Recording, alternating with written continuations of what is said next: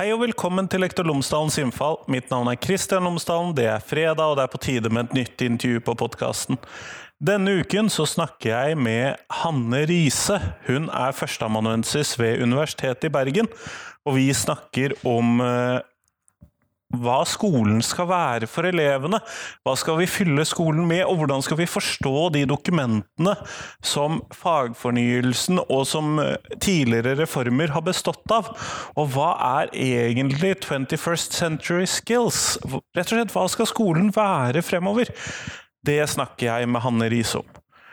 Det håper jeg at du vil sette pris på. Det kommer etter litt reklame. Fordi at podkasten er fremdeles sponset av uh, Cappelen Dam Undervisning. Og Cappelen Dam Undervisning de har mye forskjellig læringsverktøy og opplegg og innhold, faginnhold, for fagfornyelsen, og det finner du på skolen.cdu.no. Der finner du til alle fag, alle temaer, de tverrfaglige temaene selvfølgelig også, eh, til alle aldersgrupper i hele grunnskolen. Så skolen.cdu.no. Her i hvert fall så får du intervjuet med Hanne Riise. Vær så god.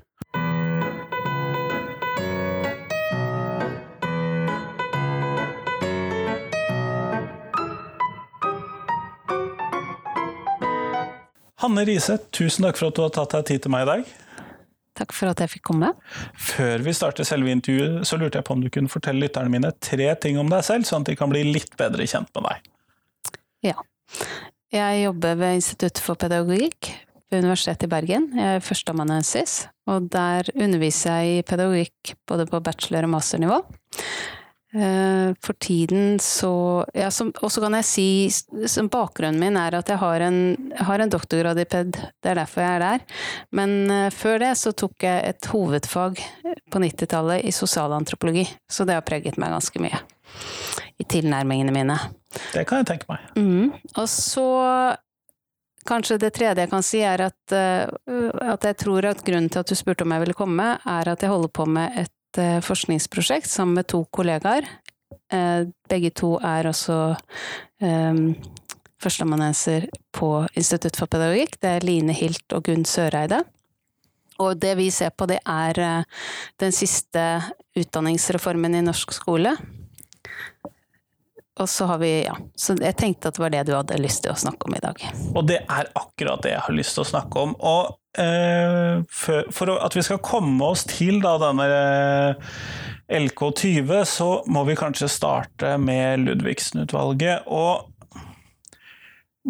i norsk skolehistorie så har det vært sånn at vi har Skolen skal utdanne elevene, det skal den gjøre, men den skulle også danne elevene. Og hvordan finner vi igjen dette hos Ludvigsen-utvalget? Hva er det dere har funnet ut der?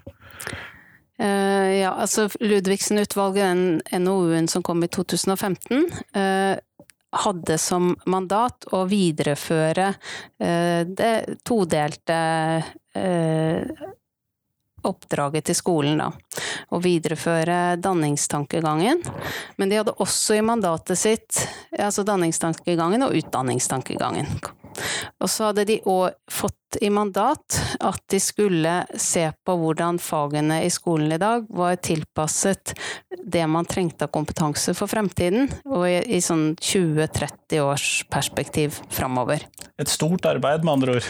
Ja, det var et stort arbeid, og de gjorde, de gjorde jo mye ut av det òg. De hadde jo De har jo eh, både hatt en utstrakt kontakt ut i Skole-Norge, men de har også trukket på mye forskningskompetanse.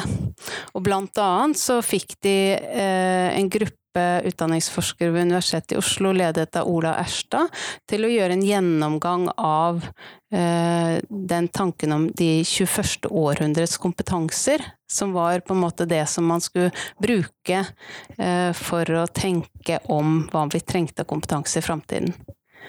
Um, skal jeg si litt om hva det er? Ja, gjerne det. Ja. For det tror jeg det, det er, Mange har sikkert hørt begrepet 21st century skills, og så, øh, sånn, men eh, det er ikke gitt at det, alle har fått med seg hva dette inneholder.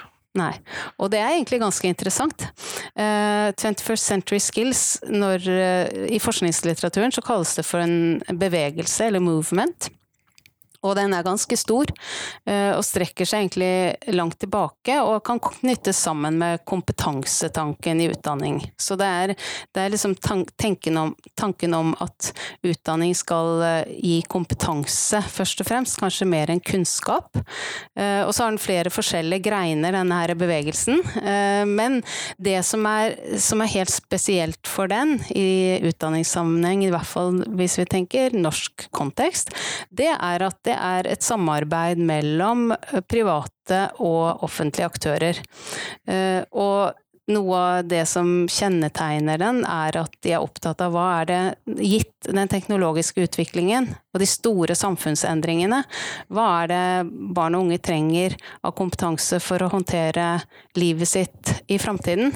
Eh, sånn at det teknologiske ligger veldig tungt. Sånn at store aktører sånn som Microsoft og Intel og Cisco og de her, de er tungt inne i å definere hva 21st Century Skills er. Hvilke arbeidstakere ønsker vi oss i fremtiden?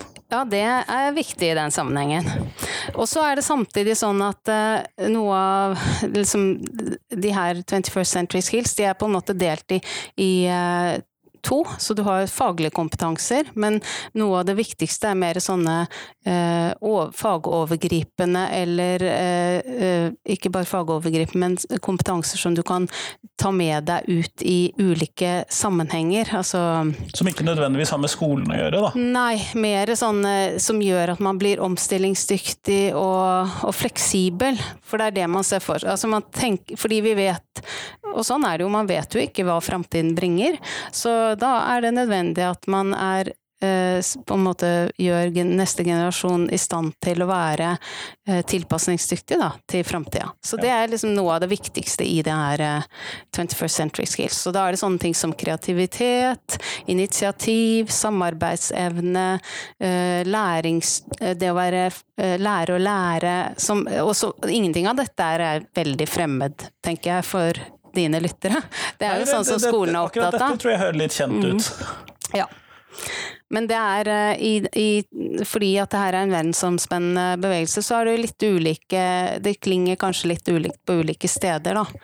Um, ja, nei, En amerikansk setting og en kinesisk setting og en norsk setting er vel kanskje og, ikke det likeste? Nei. Um, så ja, sånn at de her, og, det, disse her kompetansene her, de er ganske kjent i en norsk setting, men de settes inn i en litt annen ramme da, når de kommer inn i 21st Century Skills-bevegelsen. Og, og, særlig når man tenker på at det er uh, aktører som, som, har helt klart uh, profittinteresser i det. Så det, det, gjør det litt spennende. Så hva blir det når det kommer inn i norsk skole.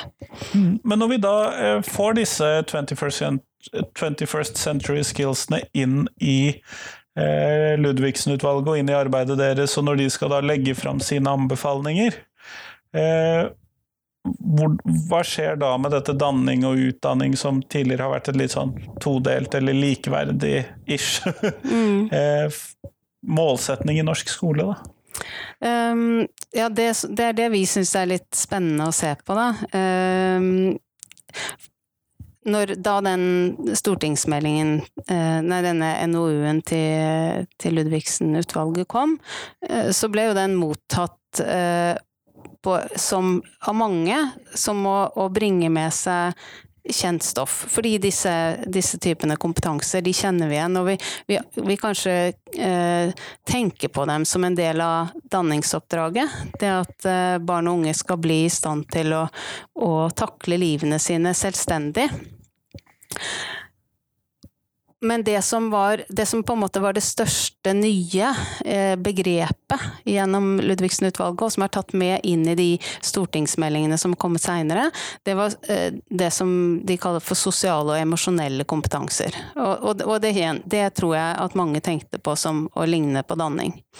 Og så er det sånn at når vi ser på hvordan det vi gjør i vår, i vår forskning, kanskje si først, det er at vi analyserer eh, Vi har analysert de her, eh, denne Ludvigsen-utvalget sin rapport. Mm. Og så har vi analysert de to stortingsmeldingene som kommer etter. Og så er vi opptatt av å se hva skjer Hva er nytt i denne reformen, eller hvordan, hvordan ser denne reformen ut, i lys av det vi vet om skole fra før av. Og så vil vi framover følge disse ideene inn i skolen. Altså hva tenker lærere og elever om dem. Men foreløpig så har vi først og fremst analysert de her politiske dokumentene. Så først ser dere på hva ståa er i dag, så ser dere på hva som blir tenkt høyt ut ifra det mandatet som er gitt osv., og, så og så hvordan politikerne behandler det etterpå. Og så senere så skal dere nå ut og se hva skjer egentlig? I skolen, ja. Mm, ja. Det høres ut som et veldig spennende arbeid, da. Ja, vi syns det er kjempespennende. Uh, og så når vi Det som kanskje ikke er uh, Som på en måte kan være litt sånn uklart, da, tenker jeg, for, for folk som ikke jobber med den type eh, analyser. Det er hva gjør man når man analyserer sånne politiske dokumenter? Eh, og det vi gjør, det er at vi leser, og så, vi, og så ser vi på hvilke typer Altså hvordan ideer forandrer seg over tid. Så, og da er det språket, altså hvordan beskriver man f.eks. For formålet til skolen, og hvordan ser det ut på tvers av disse dokumentene, og hvordan ligner og Hvis vi ser det opp imot hva danning faktisk er i en historisk, eh, i historisk forstand. Er det det samme? Er formålet, er danningsformålet fremdeles til stede i disse dokumentene? Eh, og når vi gjør det, så ser vi at det er mye som endrer seg. Så selv om man beholder begreper som danning f.eks., og kritisk tenkning og, og eh, ja, altså alle disse begrepene som ligger i det, selv om vi beholder dem, så forandrer de innhold i disse dokumentene. Ja, nettopp.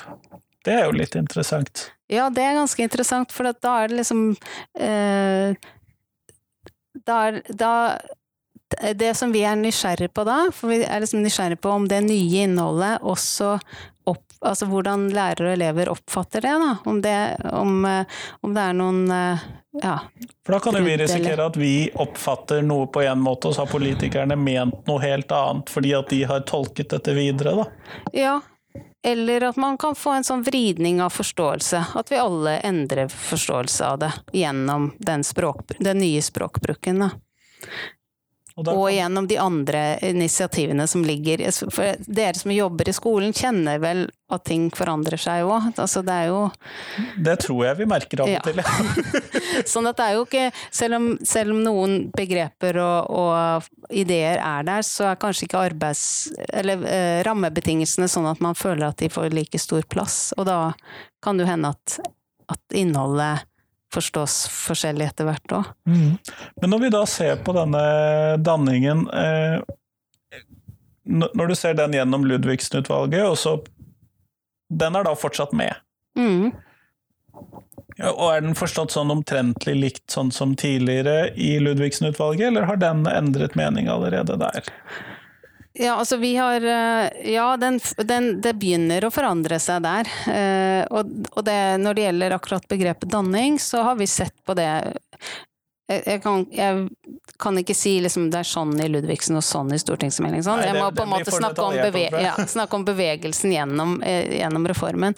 Um, og, det, og, da er det sånn at uh, danning sånn som vi, Når vi leser de her dokumentene og ser etter hva er skolens formål, så blir, eh, så blir det i mye sterkere grad lagt vekt på læring som Altså danning, f.eks. danningsbegrepet, det som, har hatt som funksjon, eller tank, ideen om danning, var å knytte eh, individet sammen med samfunnet. Det var liksom det som bygget broen mellom individet og samfunnet.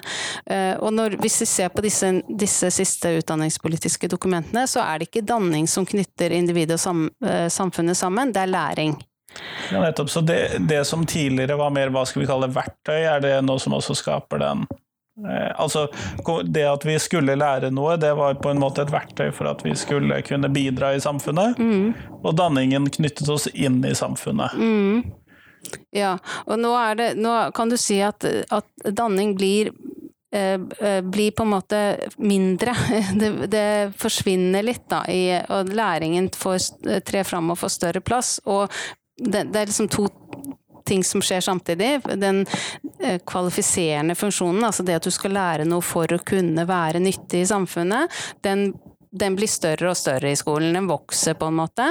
Og ideen om danning som, eh, som det at individet skal bli selvstendig og i stand til å handle og tenke kritisk om om livet og samfunnet, det krymper. Eh, og, og, da ser vi samtidig at danning forstås mer og mer som en form for eh, Heller enn å være en, det å bli autonom og selvstendig og, og, tenkende, så blir danning det å være i stand til å lære. I stand til å, å fungere i samfunnet. Ja, nettopp. Så, så det blir mer, mer sånn livslang Altså danning blir mer eh, en form for livslang læring, forstått som livslang læring. Ja, nettopp. Ehm, men eh, da opplever jeg, forklart, når det er forklart sånn, at eh, danning kanskje på sikt da forsvinner litt ut da, av denne tanken? Ja, i hvert fall sånn som det har vært. Eh, begrepet er der. Og det, det, ligger jo i opplæringslova, og det ligger i, i, i den overordnede eh, delen av læreplanen. Eh, så det er der. Det er ikke borte sånn sett. Og, og, det at det er der, gjør jo at man kan knytte en diskusjon til det. Da. Hva skal danning være? Og det tenker jeg er ganske spennende i skolen i dag. Hva forstår, altså, hva forstår lærerne danning som, og hva skal det være, og hva er det som er viktig? Hvilken rolle har det eh, ved siden av å utdanne? Er det noe annet? Ja, nettopp. Og, det, og det, når vi ser de dokumentene, så syns ikke vi at uh, forskjellen er så stor som den var, da. Nettopp. Skjønner. Eller jeg tror jeg skjønner. Det er vel mm. heller for, for det, Men det er jo da, sånn som jeg tolker det, så er det positivt at begrepet da fortsatt er en del av eh, LK20 og en del av disse eh, dokumentene, rett og slett fordi at man da også i større grad kan drive en diskusjon om hva dette begrepet skal være, enn hvis det hadde forsvunnet helt ut.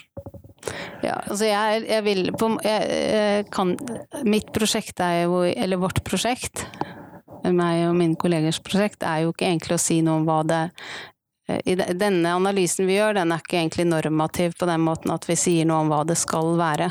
Nei. Vi beskriver det vi ser. Sånn at det, at jeg, jeg, kan Jeg vil ikke svare ja på det sånn umiddelbart. Det, er liksom en annen diskusjon. Det er en annen diskusjon. uh, men uh, Nei, fordi at, eh, Og jeg, jeg, stiller av og til spørsmål jeg ikke vet hvor jeg ender opp med, men du skal slippe å svare normativt på det. Det skal du. Men jeg tror heller jeg vil svare med å si, si noe annet uh, om det med når, For at jeg begynte med å snakke om 21st century skills, og så mm. sa jeg at det er en, en uh, beve, eller kalles en bevegelse, og den er jo global. sant? Mm. Uh, så det er noen ideer som kommer i anførselstegn utenfra og til Norge. Eh, og det som, det som, vi, når vi forsker på den nye utdanningsreformen, så, jo, så er vi opptatt av hvordan disse ideene som hentes inn, blir eh, behandlet i, norske, i, den norske konteksten. Da. Hva, det, hva, de får å si. Eh, og da er det interessant å se på hvordan de eller se på møtet mellom dem og det som ligger der fra før av. Og det er kanskje det vi gjør da når vi undersøker hva er danning nå.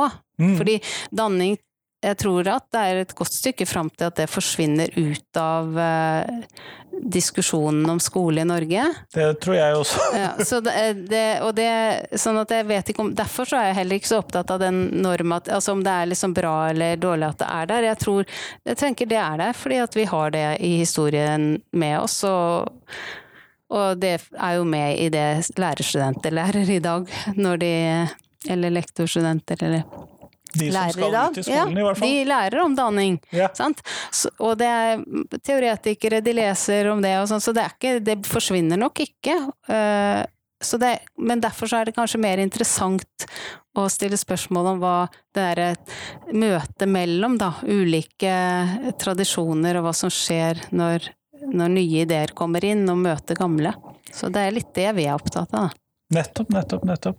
Men hvordan tenker du at vi da Eller hvordan opplever dere at eh, dannelsesbegrepet som da Ludvigsen da behandler, sånn, når det da møter disse stortingsmeldingene, for da går jo det en vei gjennom her hvor utdanning og danning da kanskje tolkes enda mer på nytt. Mm. Når du møter de stortingsmeldingene. Ja, jeg svarte til dels på det i sted, uh, når jeg sa at uh, at vi så at den kvalifiserende delen av eller det å utdanne, hvis vi, hvis vi, snakket om at det var to, en, et todelt mandat, da, som skolen mm. skal utdanne og danne. Uh, og så hvis vi sier at det å utdanne, det er å, det er å kvalifisere til jobb eller samfunnsdeltakelse.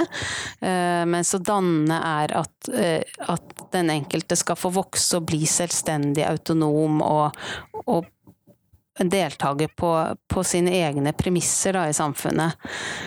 Eh, så kan man, hvis vi legger til litt, da, eh, så fins det, det, en annen måte å dele det inn på. Å si at eh, skolen det er en, en, en utdanningsfilosof som heter Bista, som sier at skolen har tre funksjoner. Ja, Den skal eh, kvalifisere, sosialisere og subjektivere. Og da er det Da kan du si at den kvalifiserende, det er Det ligger Det skjønner vi. Det er, det er å det er gjøre deg i stand til å gjøre. Ja. Og så sosialisere, det er å passe inn i samfunnet og, øh, og, og ta stilling til hvilken rolle du skal ha i, i et samfunns, eh, et fellesskap. Mens å subjektivere, det er det å bli autonom, selvstendig og tenkende. Eh, hvem er jeg? Eh, og hvis vi ser på og det det er, kanskje en sånn viktig del av danningsoppdraget. Går, danning kan være Alle disse tre delene her eh, hører til i en, dan, en dannelsesprosess. Men den derre subjektiveringsbiten av danningen, den eh, forsvinner nok litt ut med den måten vi forstår eh, danning på gjennom den nye reformen. Ikke bare Ludvigsen-utvalget, men sånn som det vokser fram gjennom stortingsmeldingen også, da. Eh, og det, eh, og det, skyldes, det skyldes til dels den måten man forstår sosiale og emosjonelle kompetanse på, og særlig eh, den, det som handler om å lære å lære, og betydningen av metakognisjon og selvregulering, som jo er eh, begreper det kjenner, det bruker dere ikke sant, i skolen nå? Vi, vi, er i hvert fall borti det innimellom, så ja. er det sikkert varierende hvor ofte man er det. ja. Men det med oss, eh, å være Dette her er jo hentet, dette er begreper som er hentet fra eh, kognitiv læringsforståelse. Og det å være selvregulert og være i stand til å på en måte holde fokus eh, og, og å skape interesse i seg selv for det man holder på med, det er en veldig viktig del av de sosiale og emosjonelle kompetansene som kommer inn. Og det eh, harmonerer kanskje ikke så godt med en sånn subjektivering eller individualiseringstankegang, hvor, hvor, egentlig eh, man tenker seg at, at, individet skal vokse og bli noe selv. For en sånn selvregulering, det er jo mer en form for tilpasning. Og det er der eh, vi syns Det er det når vi ser vektleggingen av det, av eh, i de sos sosiale og emosjonelle kompetansene som man eh, snakker om, at man skal være eh, og dette knyttes veldig tett opp mot læring. Sant? Ja, ja. Det å, å, eh, å lære å være i stand til å lære. Eh, da ser vi både at eh, det som handler om individets vekst, blir knyttet til å lære. Altså heller enn å være noe i seg selv, så blir det knyttet til det å lære. Og det blir det å være selvregulert og, og styre sine interesser mot skolefagene blir eh, mer en form for innordning enn en selvstendiggjøring av individet. Så det er et kollektivt fokus i større grad enn et individuelt fokus, eh, på en måte, da? At du, altså at du skal passe inn i dette store hele, mer enn at du skal virkelig bli ditt helt eget individ? Ja, jeg vet ikke om det er Det er jo et godt spørsmål, da. At, og det er egentlig litt interessant, men jeg, jeg, tror kanskje ikke jeg ville sagt det sånn. For er, vi er jo i en veldig sånn individualistisk eh, kultur. kultur. og tid. Eh, så så på en måte så kan du si at det er det, men eh, det du innordner deg i, det er, å, det er for å bli innovativ, kreativ og på øh, øh, og nyskapende, sant. Som ofte er individuelle ja, egenskaper ja, eller ferdigheter. Det, ja, sånn at dette er mer snakk om Heller enn at det er en kollektiv orientering, så er det en orientering mot kvalifisering. Altså mot det. Sånn at igjen, det som jeg sa tidligere, at um, kvalifiseringsoppdraget blir større i nye, den nye forståelsen. Nettopp, nettopp, nettopp. Og dette antar jeg da at vi finner igjen i læreplanene som nå har kommet i LK20, som mm. vi da nå har begynt å bruke. Ja, fordi de her eh, sosiale og emosjonelle kompetansene de er jo en del av læringsmålene for fagene, selv om de ikke skal vurderes. Altså, det er jo veldig viktig, og veld, i norsk kontekst utrolig viktig. og det er en del av Jeg sa at ideer utenfra hentes inn, men de, de oversettes og, og, blir rammet inn i, i, i, det som vi har fra før av. Uh, og i Norge så ville det å å måle eller sette karakter på sosiale og emosjonelle kompetanser, det er veldig kontroversielt. Og der kan man se, for du spurte om utviklingen fra Ludvigsen-utvalget og framover, der ser man at det som, for dette kom, det var en del av forslagene i Ludvigsen-utvalget. Det var at sosiale og emosjonelle, emosjonelle kompetanser skulle eh, måles. Og det er en stor del av den 21st Century Skills-bevegelsen er det. Og det ligger jo godt til rette for det, for at eh, alle de her digitale hjelpemidlene for måling og sånt kan jo gjøre, gjør jo mulig å måle veldig mye. Jeg kjenner at det stritter litt imot meg inni meg bare du nevner tanken på å skulle måle og vurdere dette. Ja, og det, det, det, og det fikk jo veldig stor motbør òg. Så det, det ble borte. Og det viser jo at det, det er jo en veldig sånn jeg sa at jeg ikke skulle være normativ, men hvis man skal liksom tenke at, at, det er bra at ideer pass, eh, på et, en viss grad har en, noen, en form for kontinuitet, da, sånn at vi kjenner oss igjen, det kan vi jo tenke at det er en god mm. ting. Så viser jo det at det er en slags Det er ikke sånn at man sluker rått, liksom. Kommer det stort agn, og så sluker man det rått. Nei, man, man eh, Og det var Ludvigsen-utvalget var jo også Både prosessen med det var veldig åpen. og og så har det jo selvfølgelig gått gjennom politiske høringer hvor ting Da, da får det motbør når det kommer ting som, ikke, som man ikke kan svelge. Men når vi da ser fordi at vi får jo nå i forbindelse med den nye læreplanen så får vi beskjed om at vi må lese alle dokumentene i sammenheng, og vi må lese disse um, overordnede dokumentene og eh, opplæringsloven og kjerneelementer og tverrfaglige elementer. Alt sammen må vi lese i sammenheng. Og når disse sosiale ferdighetene så tydelig ligger i disse tidligere ovenfra, eller ovenpå dokumentene, eh, er det ikke da en fare for at vi etter hvert begynner å skulle måle og vurdere også de sosiale delene av undervisningen? Det syns jo jeg virker som en problemstilling her. Mm, det... Men det er jo språk, spåkula, da.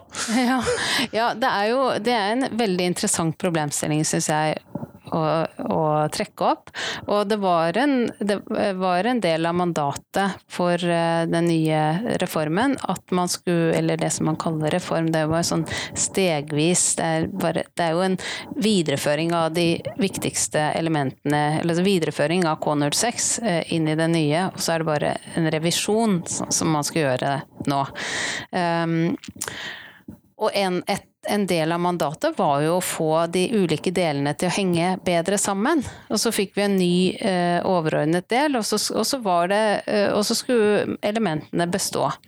Eh, og så, er Og så, som jeg har sagt tror jeg nå eh, allerede, så er det jo sånn at når de her 21st eh, Century Skills kommer inn i en norsk kontekst, så møter de danningstankegangen i skolen. Mm. Og det skulle bestå, sant? vi skal beholde det. Uh, og så kjenner man det igjen.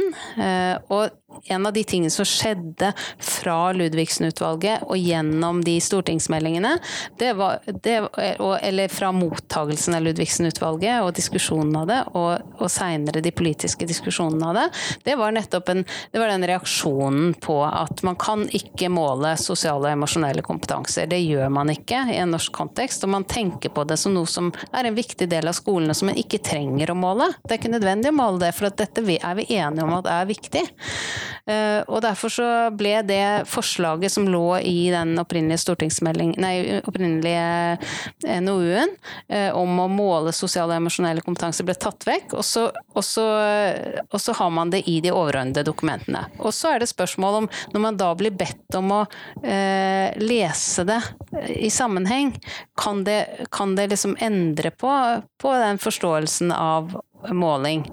Uh, og jeg vet, det er, det er, jo en hypotese, og det vil jo vise seg.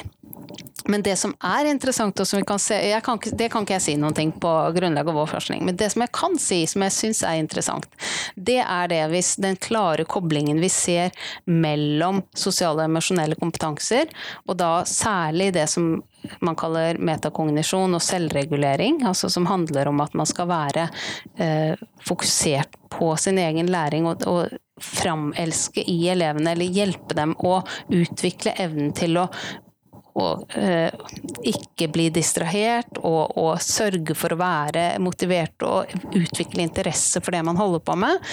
Når det blir så sterkt knyttet til læring i seg selv, Altså det, selvregulering og mm. metakognisjon handler om læring, og, og, det er en del av de sosiale og emosjonelle kompetansene. Så blir det jo litt vanskelig. Hva er det man altså, Hva er det vi skal måle, og ja, hva er det vi skal... hva er det vi ikke måler, og hva er det vi måler da? Det, den veien tenker jeg at der, en, der, er det litt sånn slippery slope. Eh, at, at, man kan komme til å, å forandre holdning da, til hva det er man faktisk skal måle og ikke måle der kjenner jeg at jeg håper at ryggmargsrefleksen til å ikke måle dette sitter ganske dypt eh, hos den eh, gjennomsnittlige lærer. Eh, for ellers syns jeg det hørtes litt skummelt ut. Ja, og det er, også, det er, litt skummelt, fordi det er også sånn at man, man, det fins ganske mye forskning, og det trekkes fra mye forskning som peker på at det er nettopp disse evnene, det å være selvregulert og, tenke omkring sin egen læring, som er forutsetningen, altså forutsetningen for å lykkes i skolesystemet. Da. Og hvis det er så grunnleggende viktig, og så skal vi ikke måle det, så, så blir det, det, det er noe sånn Selv om man um, selv om man ikke ønsker det, og selv om man tenker at der er, man, er vi kanskje forskjellige, så, tenk, så, tenker vi også Vi har jo i dag et en sånn fleksibelt syn på læring. Vi tenker at det å lære å lære Altså at det er noe. Det er ikke bare Du er ikke bare Christian med de forutsetningene du har som Christian. Du kan bli en Christian eh, som er bedre til å lære, eh, hvis vi hjelper deg til det. Så da har vi kanskje en indirekte måling da, av dette, fordi at hvis du hvis du mestrer dette, så lykkes du bedre på skolen, mm. osv. Mm, ja, så det er i hvert fall en del av prosessen. Mm. Og en del av det som man kanskje eh...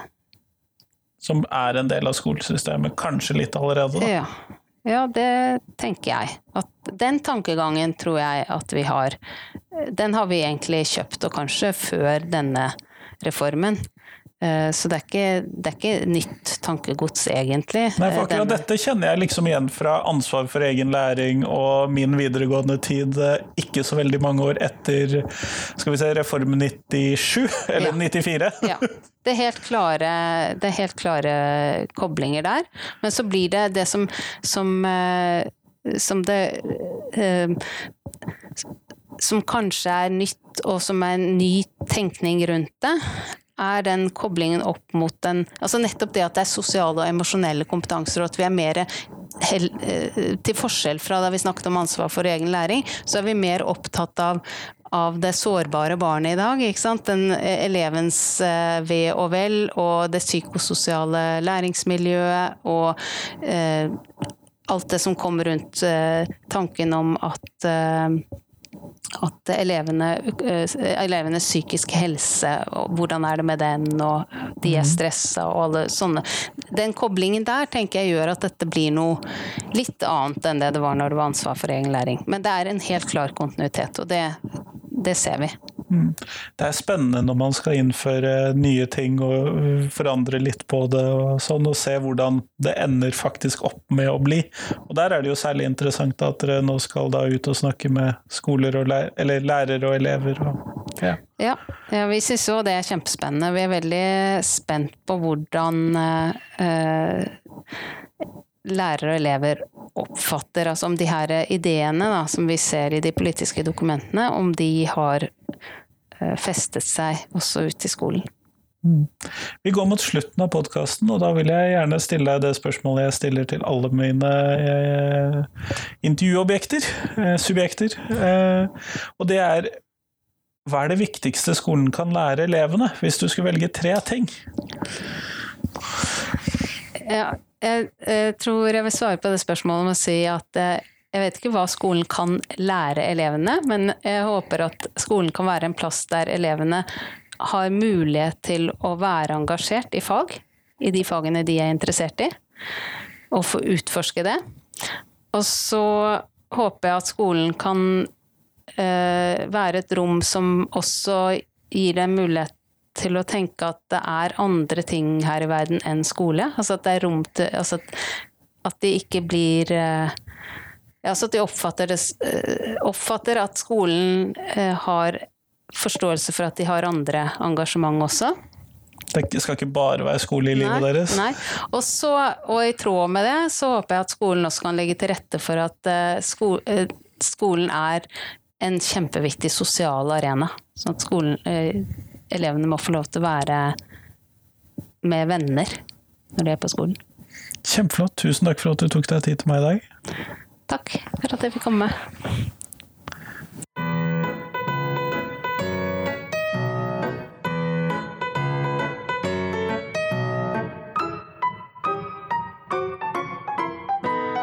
Tusen takk til Hanne, og tusen takk til deg som hørte på. Nå er det fram til tirsdag, så kommer det et nytt podkastintervju på podkasten. Det er jeg kjempeglad for. I mellomtiden så håper jeg at du kan gå inn på en av de mange stedene du finner Lektor Lomsdalens innfall. Enten det er på Facebook, Twitter, Instagram eller i en av mange Facebook-grupper. Og så kan du kanskje fortelle meg hva betyr tillit til læreren for deg? For det er ukens Tenketorsdag-spørsmål. Du kan også sende meg en e-post på Christian, med ch selvfølgelig, krøllalfa, lektorlomsdalen lektorlomsdalen.no. Christian, krøllalfa, lektorlomsdalen.no. Hva betyr tillit til læreren for deg? For jeg gleder meg til å høre hva du har tenkt om det. Den Tenketorsdag-posten kom i går, 11.12. Så håper jeg at du kan ha en fin uke fremover. Det vil si fin helg fremover, faktisk. Det er jo kommet til fredag. Men fin helg fremover, så høres vi igjen på tirsdag. Hei, hei!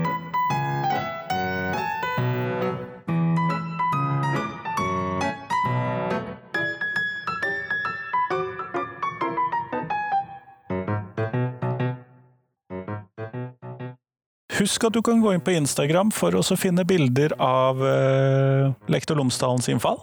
Så kan du se litt hva jeg driver med der.